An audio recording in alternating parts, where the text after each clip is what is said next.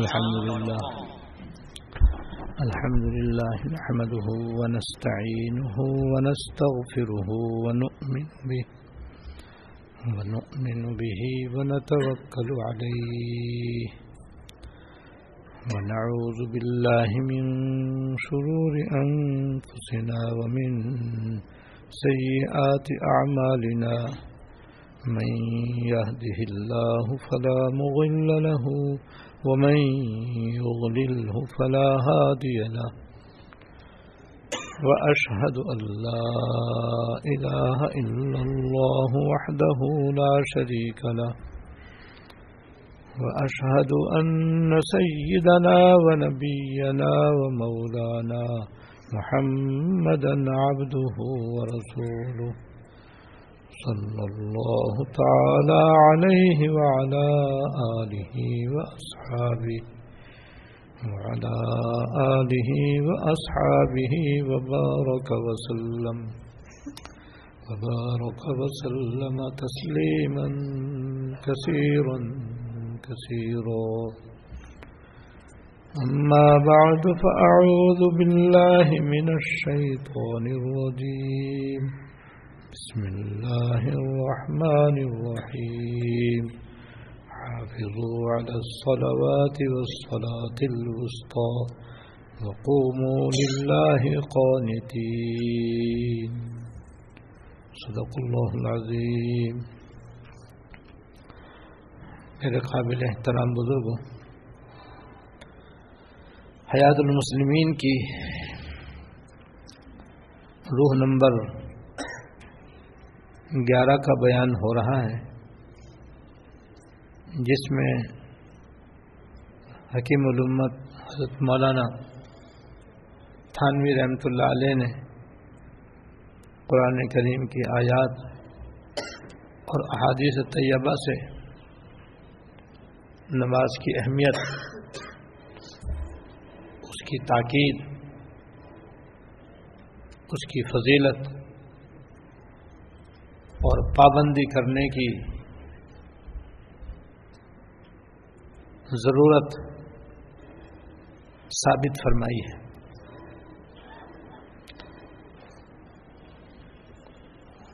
اور حضرت کے اس روح کے بیان کرنے کا مقصد یہ ہے کہ ہر مسلمان مرد عورت کو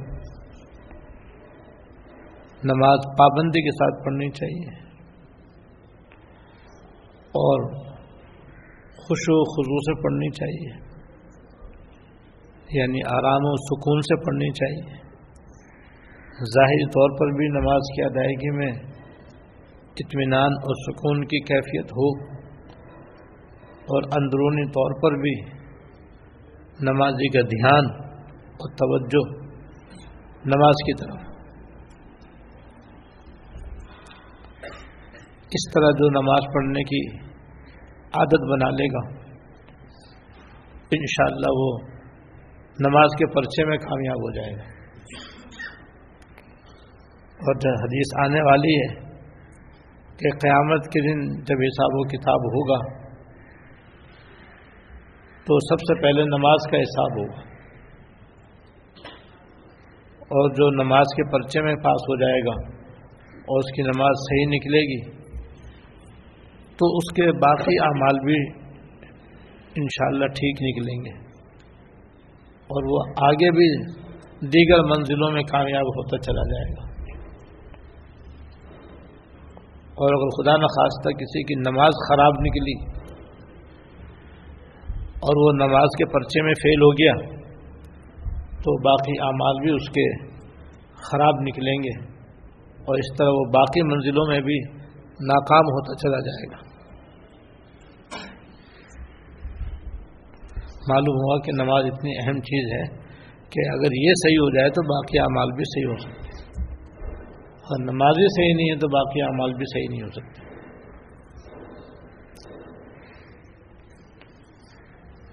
لہذا ہمیں اپنی اپنی نماز کی فکر کرنی چاہیے۔ اور ہم اپنی نماز کو جتنا بہتر سے بہتر کر سکتے ہیں کوشش کرنی چاہیے۔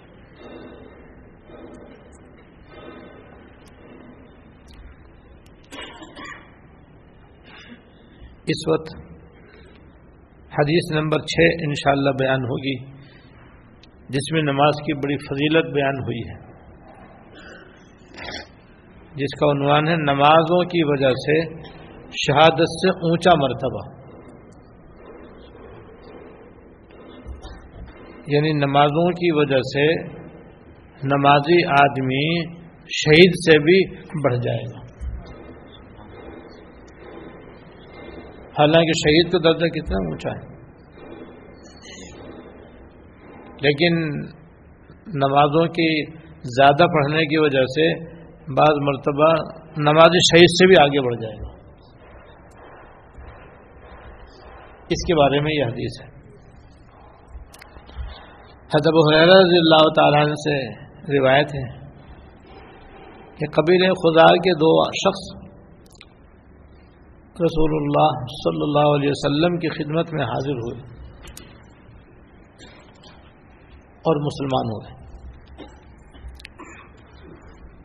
پھر ان میں سے ایک تو جہاد میں شہید ہو گیا اور دوسرا اس کے ایک سال کے بعد فوت ہوا اور اپنی طبی موت اس کا انتقال ہوا۔ یعنی باقاعدہ وہ میدان جہاد میں شہید نہیں ہوا۔ طبی طور پر ایک سال بعد اس کا انتقال ہو گیا۔ حضرت طلحہ بن عبد طلحہ بن عبداللہ رضی اللہ عنہ فرماتے ہیں کہ میں نے خواب میں دیکھا کہ ایک سال بعد وفات پانے والا شخص اس شہید سے پہلے جنت میں چلا گیا۔ مجھ کو بڑا تعجب ہوا کہ پہلا آدمی تو شہید تھا، دوسرا تو شہید نہیں تھا۔ تو شہید کو پہلے جنت میں جانا چاہیے تھا، اس کو بعد میں جانا چاہیے تھا، یہ پہلے چلا گیا، شہید پیچھے رہ گیا۔ تو صبح میں نے بیدار ہونے کے بعد رسول اللہ صلی اللہ علیہ وسلم سے اپنے خواب کا ذکر کیا۔ تو رسول اللہ صلی اللہ علیہ وسلم نے فرمایا، کیا اس بعد میں مرنے والے نے اس شہید کے بعد رمضان کے روزے نہیں رکھے؟ اور ایک سال تک ہزاروں رکعتیں نماز نہیں پڑھی۔ فرماتے ہیں، اگر صرف فرض واجب سنت موقع ہی کا اگر حساب کیا جائے تو دس ہزار رکت کے قریب بنتی ہیں۔ تو رمضان شریف کے روزے الگ، دس ہزار رکتیں نمازوں کی جدا۔ کیا ان عبادات کی وجہ سے؟ وہ شہید سے مر ان عبادات کی وجہ سے وہ شہید سے مرتبے میں آگے بڑھ گیا۔ بلاشبہ شہید ہونا بہت اونچا مقام ہے، لیکن جو شہید کے بعد مرے گا، تو اس کی دوسری عبادتیں بھی تو اور ہوں گی، جس میں سب سے زیادہ نماز کا عمل ہے۔ کیونکہ نماز دن میں پانچ مرتبہ فرض ہے، پھر ہر نماز کے ساتھ پھر سنتیں بھی ہیں، کچھ نفلیں بھی ہیں، عام طور پر سبھی پڑھی جاتی ہیں۔ تو ان نمازوں کی کثرت کی وجہ سے اور رمضان کے روزوں کی برکت کی وجہ سے یہ دوسرا آدمی جو طبی طور پر مرا تھا، وہ شہید سے بھی آگے بڑھ گیا۔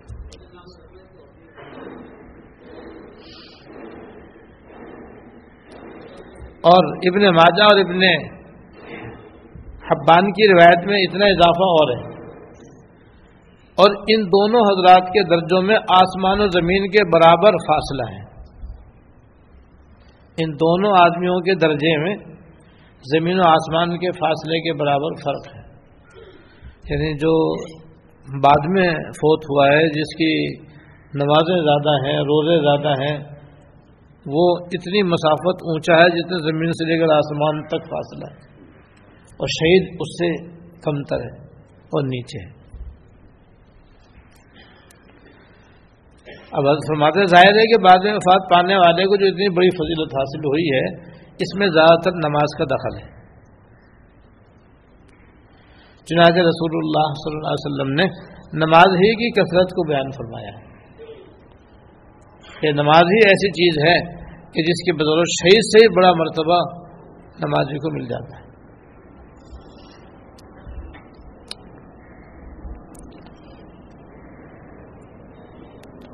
تو بہرحال اللہ تعالیٰ بڑے مہربان ہیں۔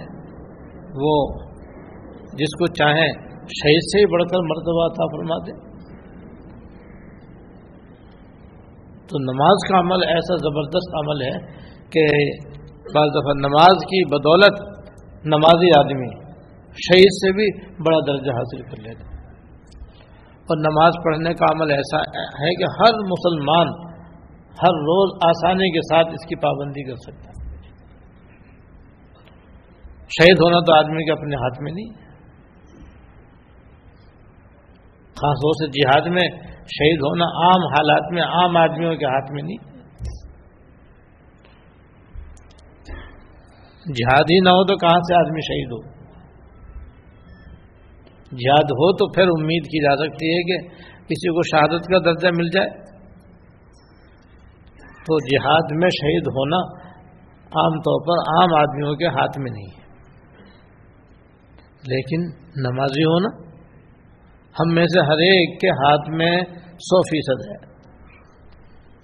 کہ اگر ہم نماز میں کوتاہی کر رہے ہیں تو اسے دور کر لیں۔ اگر نماز کے پابند نہیں ہے تو نماز کے پابند ہو جائے اور اگر نماز کے پابند ہیں لیکن نماز اچھی طرح پڑھنے کی عادت نہیں ہے جس کے بارے میں آگے حدیث آ رہی ہے ان شاء اللہ تعالی۔ تو آج ہی سے ہم اپنی نماز اچھی طرح سے ادا کرنے کی عادت ڈالیں۔ اور نماز کی پابندی کرنے میں، نماز کو ٹھیک ٹھیک اور صحیح صحیح سنت کے مطابق ادا کرنے میں ہم دنیا کی مشغولیتوں کو پس پٹ ڈالتے۔ ہیں بس دنیا کی مشغولیت ہی ہمارے اس معاملے میں خلل ڈالتی ہے۔ دکاندار کو دکانداری، ملازم کو ملازمت، تاجر کو تجارت، کاشتکار کو اس کی کھیتی باڑی، اور یہ دنیا کی مصروفیتیں انسان کے آڑے آتی ہیں۔ جس کی وجہ سے آدمی نمازیں چھوڑ بھی دیتا ہے نماز قضا بھی کر دیتا ہے، جماعت بھی چھوڑ دیتا ہے، اور نماز کو جلدی جلدی بغیر خوش و خضو کے بھی آدمی ادا کر لیتا ہے۔ یہ ساری دنیا کی مصروفیات انسان کی نماز کے اندر رکاوٹ بنتی ہے ان ساری رکاوٹوں کو وہ ایک دفعہ ذہن میں بیٹھ بٹھانے کے مجھے ان سب کو نماز کے اندر رکاوٹ نہیں بننے دینا۔ اور مجھے بہرحال نماز سب سے پہلے ٹھیک ٹھیک ادا کرنے کی کوشش کرنی ہے۔ بس یہی تو بس ذہن میں طے کر لیں، جب ذہن طے کر لیں گے تو بس پھر ان شاء اللہ تعالیٰ ان دنیا کی مشغولیتوں کو، مصروفیتوں کو پیچھے کر کے نماز کو آگے کرنا اور ٹھیک ٹھیک نماز کو ادا کرنے کا اہتمام کرنا انشاءاللہ آسان ہو جائے گا۔ اور یہ ضروری ہے، اور یہ ضروری ہے۔ اس لیے کہ آخرت میں سب سے پہلے نماز ہی کے بارے میں سوال ہوگا۔ وہاں یہ نہیں پوچھا جائے گا کہ بھئی کس وجہ سے تم نے نماز صحیح نہیں پڑھی؟ کس وجہ سے تم نے نماز قضا کی؟ کس وجہ سے تم نے نماز چھوڑی؟ یہ نہیں پوچھا جائے گا۔ کیونکہ یہ تو ہماری غلطی ہے۔ ہوتا ہی ہے ہماری۔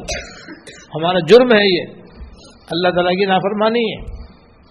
تو نافرمانی سے تو ہمارا عذر اللہ تعالیٰ کے قابل قبول نہیں ہوگا۔ وہاں تو حکم یہ ہے کہ بس نماز کو سب سے پہلے سب پہ مقدم کرو بس۔ تمہارے تمام امور میں سب سے اہم ترین ذمہ داری اللہ تعالیٰ کی طرف سے نماز کو ٹھیک ٹھیک ادا کرنا ہے بس۔ بس جب یہ حکم ہے تو بس اسی پہ عمل کرنا ہے۔ اب چاہے، دنیا کی کیسی مشغولیت مصروفیت ہو۔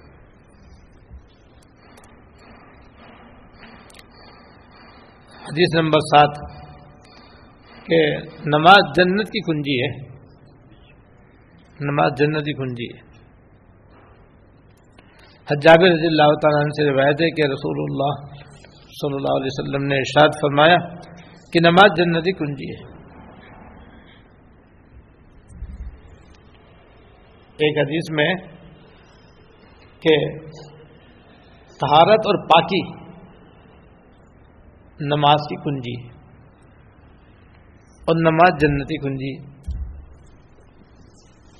یعنی جیسے بغیر تہارت اور پاکی کے نماز نہیں ہو سکتی۔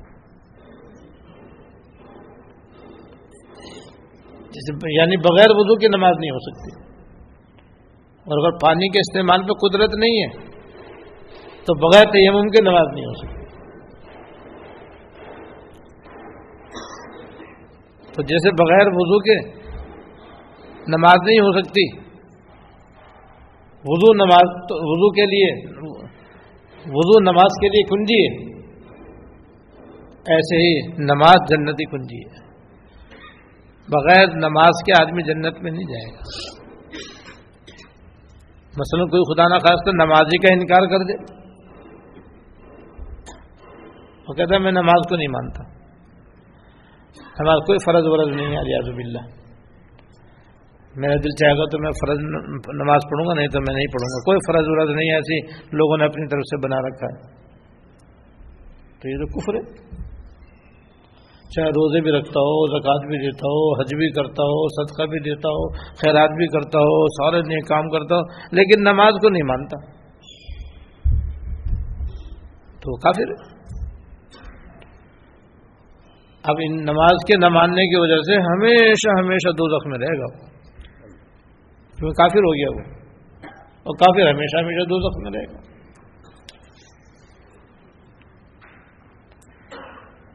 اور اگر نماز کو فرض مانتا ہے، لیکن بغیر کسی معتبر عذر کے بس نہیں پڑتا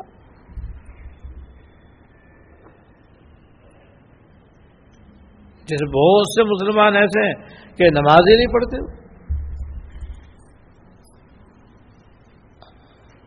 صبح شام تک پانچ مرتبہ آواز اذان کی انہیں کانوں میں آتی ہے۔ لیکن وہ نماز نہیں پڑھتے۔ نہ جماعت سے، نہ بغیر جماعت کے۔ تو اس طرح نماز نہ پڑھنے سے وہ کافر تو نہیں ہے، مگر فاسق و فاجر ہے۔ اور میں پہلے بتا چکا ہوں کہ حدیث میں آتا ہے کہ ایسا شخص اگرچہ بعد میں نماز پڑھ بھی لے اور جو گناہ ہوا اس نہیں پڑھ بھی لے، تب بھی اس کو ایک حقب جہنم کے اندر جلایا جائے گا۔ اور ایک حقب کی جو مقدار حضرت شیخ نے فضائل نماز میں تحریر فرمائی وہ دو کروڑ اٹھاسی لاکھ سال تک۔ ایک نماز کے بدلے میں یہ عذاب ہے دو نمازوں کے بدلے میں اس کا دگنا، تین کے بدلے میں اس کا تیگنا اور پانچ، ایک دن کی نماز چھوڑ دے تو پانچ گنا یہ عذاب ہوگا۔ تو جس نے دسیوں سال کی نمازیں نہیں پڑھی پانچ پانچ سال کی، دس دس سال کی، بیس بیس سال گزر گئے، چالیس چالیس سال گزر گئے، جب بالغ ہونے سے لے کے نماز ہی نہیں پڑھی اس کے عذاب کیا حال ہوگا؟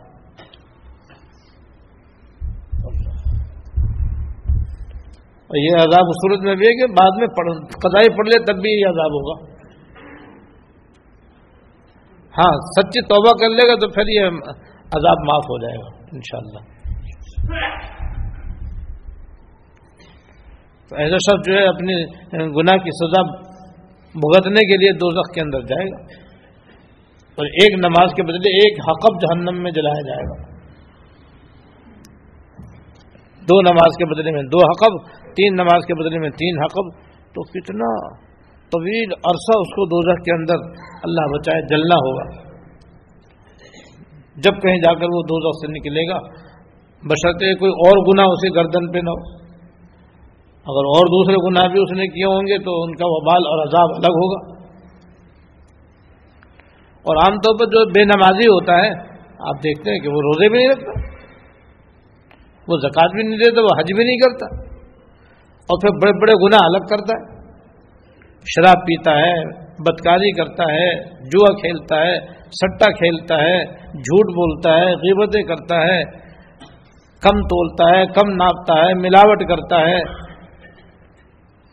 دوسرے بڑے بڑے گناہوں کے اندر بھی وہ ڈوبا رہتا ہے۔ کیونکہ نماز ایسی اہم چیز ہے کہ جو نماز پڑھنے والا ہوتا ہے، نماز اس کو بے شرمی کی، بے حیائی کی، دیگر گناہوں کی باتوں سے روکتی ہے۔ ان نسل فاشائے المنکر نماز آدمی، نماز نمازی کو بے حیائی کی باتوں سے اور دیگر گناہوں کی باتوں سے روکتی ہے۔ جب نماز نہیں پڑھتی تو کیا روکے گی؟ اس کو نہ یہ کہ وہ دوسرے گناہوں میں الگ ڈوبا رہتا ہے ان کا بھی عذاب ہے۔ اللہ بچائے کتنا طویل عرصہ اس کو دو میں جلنا پڑے گا۔ لیکن اگر توبہ کر لے اور نماز کی پابندی شروع کر دے، اور تو پھر ان شاء اللہ تعالیٰ وہ اس عذاب سے بچ سکتا ہے جسے دوسرے گناہوں سے بھی، کیا عذاب سے بھی بچ سکتا ہے؟ ایک طرف تو یہ عذاب ہے اور یہ وبال ہے۔ دوسری طرف پابندی کرنے کا ثواب۔ اگر کوئی مسلمان مرد نماز باجماعت ادا کرنے کا اہتمام کرتا ہے۔ تو خواتین کو یہ ثواب انشاءاللہ گھر میں مل جائے کیونکہ ان کے لیے مسجد جماع سے اکیلے گھر میں نماز پڑھنا افضل ہے۔ افضل تو جبھی ہوگا جبھی یہ ثواب بھی ان کو ملے گا۔ انشاءاللہ۔ تو شیخ نے اس کی فضیلت بھی، اس کا ثواب بھی فضائل نماز میں فرمایا، تحریر فرمایا کہ جو آدمی مسجد میں جا کر با جماعت خوشو خضو سے نماز ادا کرے گا تو اکیلے نماز پڑھنے کے مقابلے میں با جماعت نماز پڑھنے پر تین کروڑ تین کروڑ پینتیس لاکھ چون ہزار چار سو بتیس گنا زیادہ ثواب ملے گا۔ ایک نماز کو تین کروڑ چون لاکھ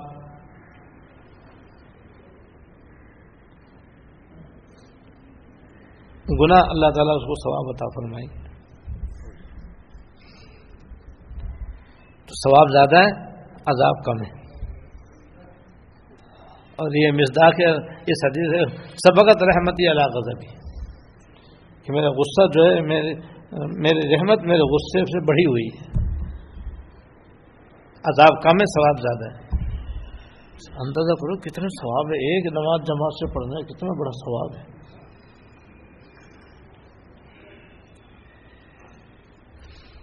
تو نماز جو ہے وہ جنتی کنجی ہے۔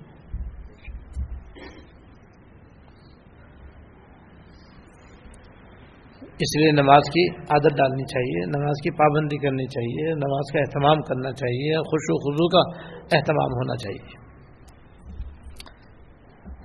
فرمایا کہ حدیث نمبر آٹھ۔ حضرت عبداللہ بن قرط رضی اللہ تعالیٰ سے روایت ہے کہ رسول اللہ صلی اللہ علیہ وسلم نے فرمایا کہ قیامت میں آدمی سے سب سے پہلے جس چیز کا حساب ہوگا وہ نماز ہے۔ اگر وہ ٹھیک نکلی تو اس کے سارے اعمال ٹھیک ثابت ہوں گے اور اگر وہ خراب نکلی تو اس کے سارے اعمال خراب نکلیں گے۔ اس حدیث سے ثابت ہوا کہ اگر نم... کہ نماز کی برکت دیگر تمام عبادات میں اثر کرتی ہے۔ لہذا جو شخص ٹھیک طریقے سے نماز ادا کرتا ہے، اس کی برکت سے دیگر تمام عبادات درست ہوتی ہیں۔ اگر نماز کو صحیح طریقے سے پابندی کے ساتھ ادا نہ کیا جائے، تو اس سے دیگر عبادات میں بھی خلل واقع ہوتا ہے۔ یہ حدیث نماز کی اہمیت کی دلیل ہے۔ یہی بات ہے، سب سے پہلے انسان کی نماز ہے۔ کہ نماز صحیح ہے تو سب کچھ صحیح ہے، نماز صحیح نہیں تو کچھ بھی صحیح نہیں ہے۔ اللہ ماشاء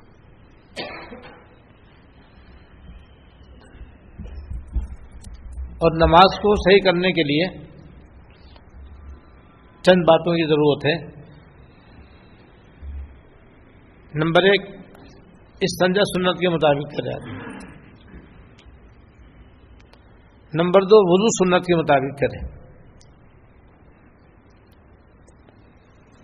نمبر تین، نماز پابندی سے پڑھے اور نماز بھی سنت کے مطابق پڑھنے کی عادت ڈالے اور خوشو خزو کے ساتھ پڑھنے کی عادت ڈالے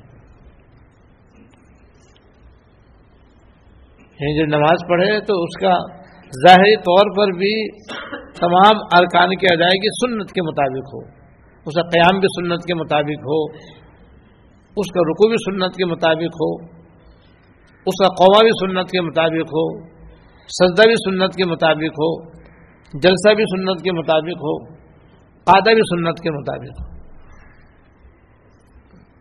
زمین سے ایک اگت پڑھ کے پھر سیدھا کھڑا ہونا بھی سنت کے مطابق ہو، اس طرح ظاہر بھی اس کا سنت کے مطابق ہو اور اس میں اطمینان اور سکون کی کیفیت قائم ہو۔ جلد بازی نظر نہ آ رہی ہو۔ جسے کہتے ہیں ٹھک بیٹھک کرنا اور لشٹم پشٹم نماز پڑھنا، جلدی جلدی نماز پڑھنا، جیسا کہ بعض لوگوں کی عادت ہوتی ہے، بعض عورتوں کی بھی عادت ہوتی ہے، ہرگز یہ نہ ہو۔ آرام اور سکون سے نماز کو پڑھے۔ یہ تو اس کا نماز کا ظاہر ہے۔ اور نماز کا باطن یہ ہے کہ جب نیت باندھے تو اس کا دھیان بھی نماز کے اندر ہی رہے۔ اور نماز میں دھیان کی دو صورتیں، ایک اپنی اختیار سے دھیان لگانا، اس کا عادی مکلف ہے۔ ایک غیر اختیاری طور پر ذہنی ادھر ادھر بھٹکنا، اس کا آدمی مکلف نہیں، یہ غیر اختیاری ہے، یہ معاف ہے۔ تو بغیر اختیار کے اگر ذہن ادھر ادھر جاتا ہے تو اس سے آپ گھبرائیں نہیں، پریشان نہ کیونکہ اس کے آپ مکلف نہیں ہیں، اس سے کوئی نماز میں اور نماز خوشو خزو میں اس سے کوئی خلل نہیں آتا۔ لیکن جب دھیان آ جائے تو پھر اپنے اختیار سے، اپنے دھیان کو نماز کی طرف لگانا ضروری ہے۔ اور بار بار ایسا ہو تو کوئی حرج نہیں۔ یعنی مانتی، ذہن کبھی ادھر جا رہا، کبھی ادھر جا رہا، کبھی ادھر جا رہا، کبھی ادھر جا رہا، ہر رقط میں یہ ہو رہا تو ہونے دو۔ آپ اپنا اپنے اختیار سے اپنا دھیان نماز کی طرف لاتے رہو۔ لانا اختیاری ہے، جانا غیر اختیاری ہے، جانے کے آپ مکلف نہیں ہے لانے کے آپ مکلف ہیں۔ کتنی سی بات ہے، کتنی آسان بات ہے۔ اپنے اختیار سے اپنا دھیان بار بار نماز میں لگاتے رہیں، جو کچھ نماز میں پڑھا جا رہا ہے، اس کی طرف لگاتے رہیں بس۔ اسے کہتے ہیں، نماز کو دھیان سے پڑھنا، نماز کو خوشو خزو سے پڑھنا۔ ان باتوں کا اگر کوئی اہتمام کرے گا تو ان شاء اللہ تعالیٰ اس کی نماز جو ہوگی وہ نماز ہوگی اور پھر وہ نماز انشاءاللہ جنتی کنجی بنے گی اور اس کی برکت سے اس کے باقی اعمال بھی انشاءاللہ درست اور صحیح ہوں گے۔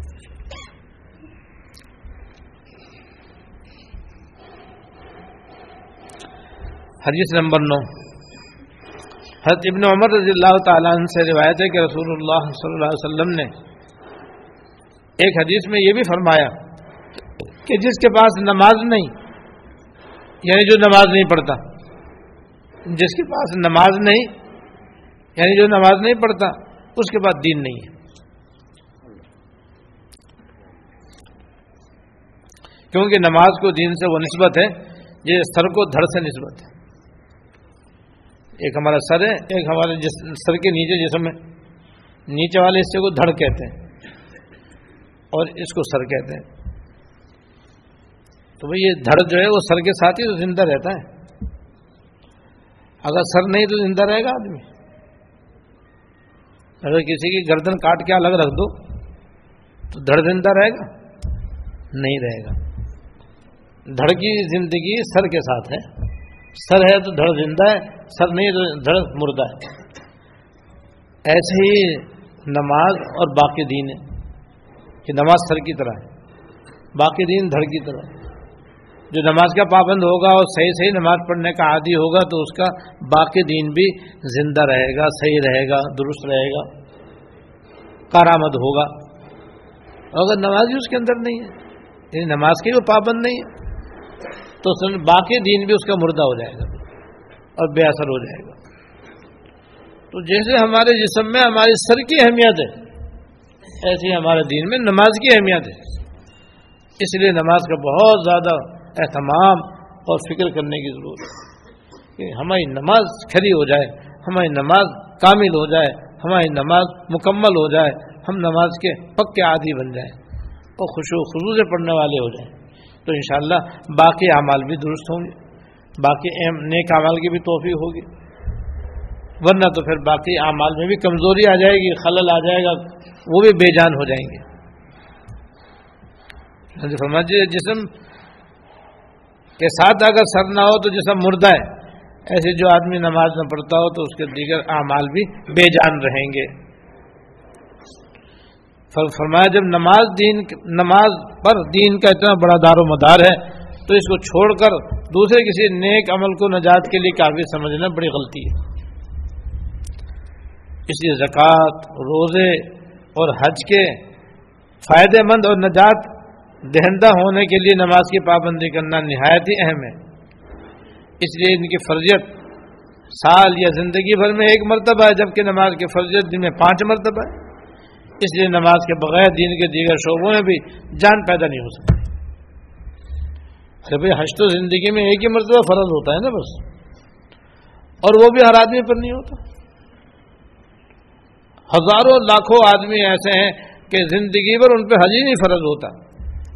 اور وہ عام طور پہ جاتے بھی نہیں تو جن پہ حج فرض نہیں ہوتا، ان پہ تو حج ہے ہی نہیں سرے سے۔ اور جو صاحب استطاعت ہے، ان پہ حج فرض ہوتا، پھر ان میں بھی جانے والے بہت کم ہیں۔ تو حج تو ایسا ہے، کسی پہ فرض ہوتا ہے، کسی پہ نہیں ہوتا، جن پہ ہوتا ہے تو ان میں سے بھی کوئی کرتا ہے، کوئی نہیں کرتا۔ ایسے رمضان کے روزے کہ وہ بھی سال میں ایک مرتبہ فرض ہوتے اور پھر ہر ایک پہ نہیں ہوتے۔ کسی پر ہوتے ہیں، کسی پر نہیں ہوتے۔ اور جن پر ہوتے ہیں، ان میں بھی بعض معذور ہوتے ہیں، بیمار ہوتے ہیں، وہ رمضان میں روزے نہیں رکھ پاتے۔ وہ بعد میں پھر رکھتے ہیں۔ اور بعض رکھتے ہی نہیں۔ ایسی زکوٰۃ بھی ہر مسلمان پہ فرض نہیں ہوتی۔ وہ تو صاحب نصاب پر فرض ہوتی ہے، صاحب نصاب سب مسلمان نہیں ہوتے۔ ہزاروں لاکھوں ایسے مسلمان ہیں جو غربا فقرا مساکین ہیں، ان پہ زکوٰۃ فرض ہی نہیں ہوتی۔ جب فرض نہیں تو زندگی پر وہ ادا ہی نہیں کرتے۔ اگر ادا کریں بھی تو وہ زکوٰۃ نہیں، ادا ہوگی، صدقہ ہوگا ان کی طرف سے۔ زکوٰۃ تو فرض ہی نہیں ان کے اوپر۔ پھر جن میں فرض ہوتی ہے ان میں سے ادا کرنے والے کتنے ہزاروں، لاکھوں ایسے ہیں جن پہ زکوٰۃ فرض ہے، لیکن وہ زکوٰۃ نہیں ادا کرتے۔ پھر جو ادا کرتے ہیں، ان میں بہت سے ایسے ہیں جن کو صحیح شریعت زکوٰۃ کا شریع مصرف معلوم نہیں۔ وہ ہر ضرورت مند کو زکوٰۃ دے دیتے ہیں، ہر ضرورت مند مصرف زکوٰۃ نہیں ہوتا۔ تو ان کی زکوٰۃ ہی نہیں ادا ہوتی۔ زکوٰۃ فرض بھی ہو، فرض ہونے کے بعد پھر اس کا جو شرع مصرف ہے، اس کے اندر اس کو پہنچایا جائے، تب اس کی ادائیگی ہوتی۔ بس لے دے کہ نماز ایک ایسی عبادت ہے اور ایسا فرض ہے کہ یہ ہر مسلمان عاقل، بالغ، مرد، عورت پر نہ صرف دن میں ایک مرتبہ بلکہ پانچ مرتبہ فرض ہوتی ہے۔ لہذا نماز جتنی کسی کی صحیح ہوگی، ویسے ہی اس کے باقی اعمال بھی انشاءاللہ صحیح ہوں گے، اور جتنی نماز کسی کی خراب ہوگی، اس کے باقی اعمال بھی خراب ہوں گے۔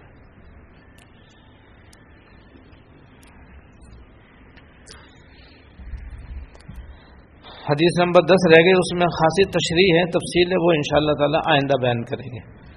اللہ تعالیٰ ہم سب کو اپنے فضل سے، اپنے کرم سے، اپنی اپنی نماز کو درست کرنے کی توفیق عطا فرمائے۔ اور نماز کی پابندی کرنے کی توفیق عطا فرمائے۔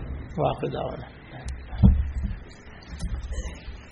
اللهم لك الحمد، لا نسي ثناء عليك كما اثنيت على نفسك اللهم لك الحمد، لا نسي ثناء عليك انت كما اثنيت على نفسك اللهم صل على سيدنا ومولانا محمد وعلى آل سيدنا ومولانا محمد وبارك وسلم.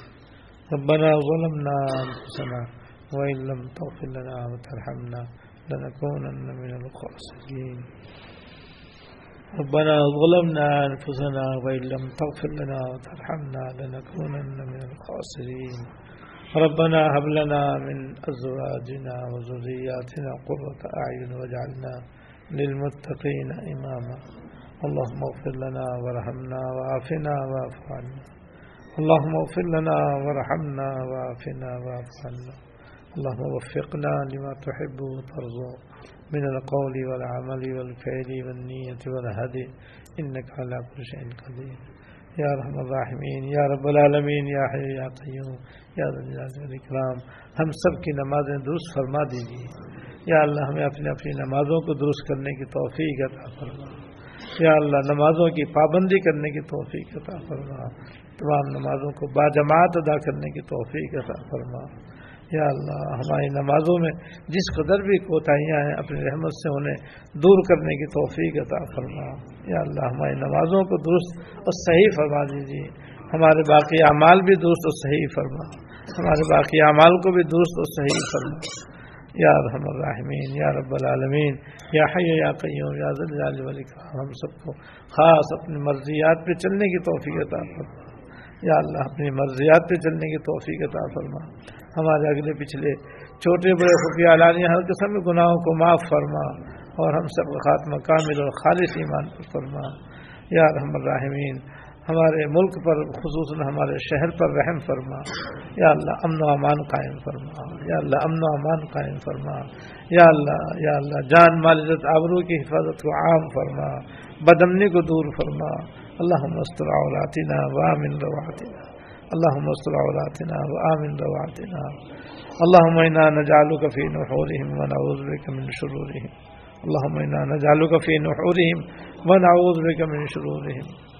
ربنا تقبل منا انك انت السميع العليم وتب علينا انك انت التواب الرحيم. صلى الله تعالى على النبي الكريم محمد وعلي واصحابه اجمعين امين www.deenislam.com یہ دین رہنمائی کے لیے ویب سائٹ ہے، اس کے اغراض و مقاصد www.deenislam.com اسلامی تعلیمات کو دنیا بھر کے مسلمانوں تک پہنچانا ہے اور اس کے ساتھ اصل حاضر کے جدید مسائل جن کا تعلق زندگی کے کسی شعبے سے اور اس کے بارے میں قرآن سنت کی روشنی میں صحیح رہنمائی کرنا ہے۔ توحید رسالت کے حملوں کا مؤثر جواب اور دنیا بھر کے لوگوں کو نبی کریم صلی اللہ علیہ وسلم کے اوصاف و کمالات اور تعلیمات سے آگاہی پروگرام میں شامل ہے۔ اسلام کے خلاف پھیلائی گئی غلط فہمیوں کو دور کرنا اور مسلمانوں کے ایمانی جذبات کو بیدار رکھنا بھی اس کوشش کا حصہ ہے۔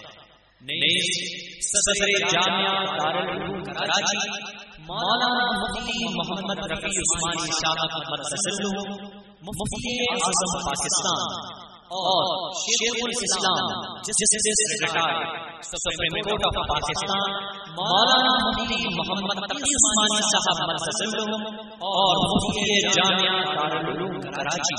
حضرت مولانا مفتی عبدالرؤوف سکھر صاحب مرسل کی ہفتہ وار اصلاحی مجالس براہ راست بیان بھی اور دیگر علماء پاک و ہند کی تقاریر بھی اب انٹرنیٹ پر اس ویب سائٹ پر سنی جا سکتی ہے۔